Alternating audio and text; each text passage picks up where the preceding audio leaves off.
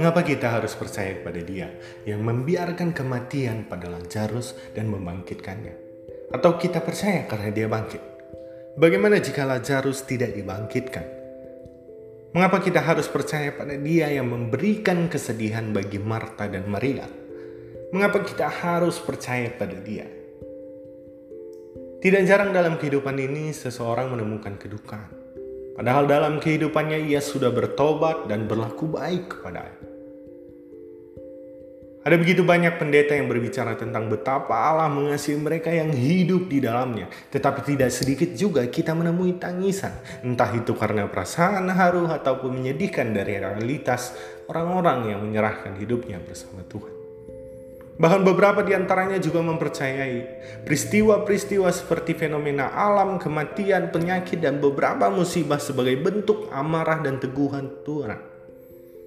Karena itu tidak heran bila beberapa di antaranya akan menulis status di media sosialnya, ini cobaan dari Tuhan. Tuhan marah pada Indonesia, Tuhan marah pada saya, Tuhan marah pada keluarga saya.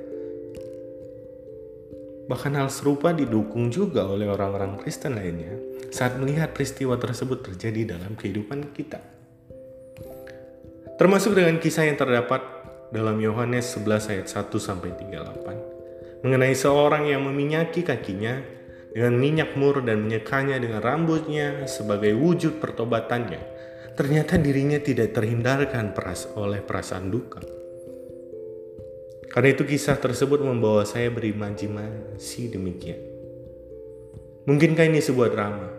Skenario ditulis lalu dimainkan oleh Tuhan sebagai alat untuk kita belajar percaya padanya namun pantaskah ketulusan itu dipermainkan oleh dia yang berkuasa? Atau sebenarnya itu hanya asumsi belaka bahwa tidak ada drama yang dimainkan olehnya dalam kehidupan kita? Bayangkan saja dalam kisah tersebut penulis menyebutkan bahwa Yesus dengan sengaja tinggal dua hari lagi di tempat di mana ia berada. Apa yang sebenarnya ia rencanakan? Maria sudah mengirimkan kabar kepadanya bahwa yang dikasihi olehnya sedang sakit, sekalipun kabar tersebut tidak diberikannya secara langsung mengingat kondisi dan situasi geografis kala itu. Tapi kan pesan tersebut juga tidak bisa sampai pada hari yang sama. Butuh beberapa waktu untuk pesan itu sampai. Tetapi apa yang dia dapat? Apa yang didapat oleh Maria dan Marta? Yesus sengaja menambah lagi waktu penantian kedatangan Maria menjadi dua hari. Pernahkah saudara marah kepada seseorang yang tidak datang tepat pada waktunya? Atau apabila kita datang ke rumah sakit dan dokter sengaja mengabaikan kita karena kita hanya menggunakan kartu BPJS golongan ketiga? Apakah saudara memiliki imajinasi yang sama seperti saya sekarang? Apa yang dia rencanakan sebenarnya? Tapi coba kita selidiki kembali. Sebab situasi kala itu digambarkan bernulis sebagai situasi mencekam. Dituliskan bahwa lokasi pertemuan yang diharapkan Maria dan Marta agar Yesus kunjungi ternyata wilayah membahayakan.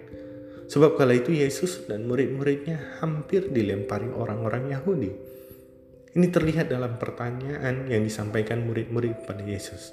Sampai akhirnya, saya pun bisa mengerti ketika Yesus memberikan waktu dua hari itu bila situasi memang sedang demikian.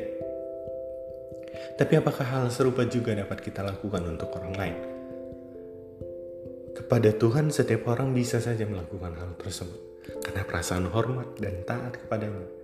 Tapi pernahkah kita bertanya tentang keterlambatan seseorang atau menanyakan sikap dokter yang mungkin tidak mengabaikan kita? Bayangkan bila saudara berada pada posisi Maria dan Marta. Mungkinkah saudara bisa menerima dan memaklumi keterlambatan Yesus? Saya secara pribadi mengakui bahwa amarah itu lebih dahulu merasuki hati dan menaburkan benih kepahitan dalam diri. Bila itu dilakukan oleh manusia lain.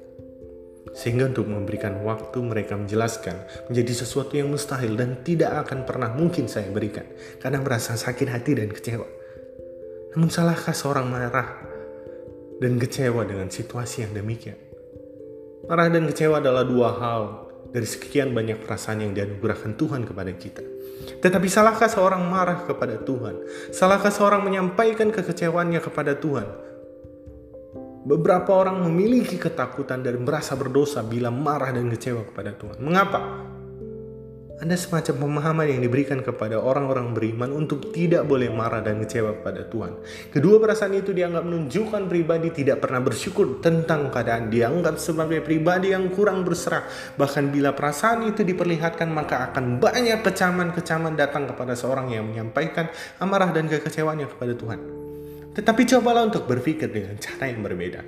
Bagaimana bila penyampaian itu wujud kedekatan kita kepada Tuhan? Selayaknya seorang anak kecil yang marah dan menangis saat ibunya tidak mengabulkan keinginannya. Berharap dengan amarah dan tangisan yang dilakukan oleh si anak, ibunya mengerti bahwa anak itu sangat mengingininya. Seperti halnya sikap Maria yang menyampaikan kecewanya dalam tangisan kepada Yesus. Ya, peristiwa itu seketika membuat saya menjadi terharu sebab Tuhan kita tidak seperti banyak orang bayangkan. Saat Maria jujur pada perasaannya dan menyampaikan hal itu kepada Yesus, Tuhan kita justru meresponnya dengan empati yang luar biasa. Ia ikut bersedih dalam kesedihan Maria. Ya, kisah ini menyadarkan saya tentang suatu hal sesuatu tentang Yesus berempati ketika mendengarkan seluruh perasaan di dalam hati kita. Yesus menginginkan kita jujur kepadanya. Karena dia menganugerahkan kita dengan begitu banyak perasaan. Maka kita boleh mengungkapkan tanpa perlu merasa bersalah kepadanya. Namun maukah kita tetap memiliki pengharapan dan berserah saat kekecewaan itu datang dan duka menyeliputi hati kita? Inilah yang menjadi poin pentingnya sehingga ungkapan jujur dari seluruh perasaan kita berasal karena kepercayaan kepada Tuhan yang ikut berempati pada apa yang kita rasakan. Sebuah kejujuran yang akhirnya menyembuhkan diri untuk menerima semua hal yang telah terjadi. Bukan sebuah ungkapan yang tidak berfaedah, yang hanya membuat emosi negatif di dalam diri kita. Tetapi sebuah ungkapan yang muncul dari keyakinan, iman, dan harapan bahwa memang Allah mengerti, Allah peduli, dan kita pun mempercayakan semua perasaan ini kepada Tuhan. Sebab hanya Tuhan teman yang paling setia, teman yang paling mengerti perasaan kita.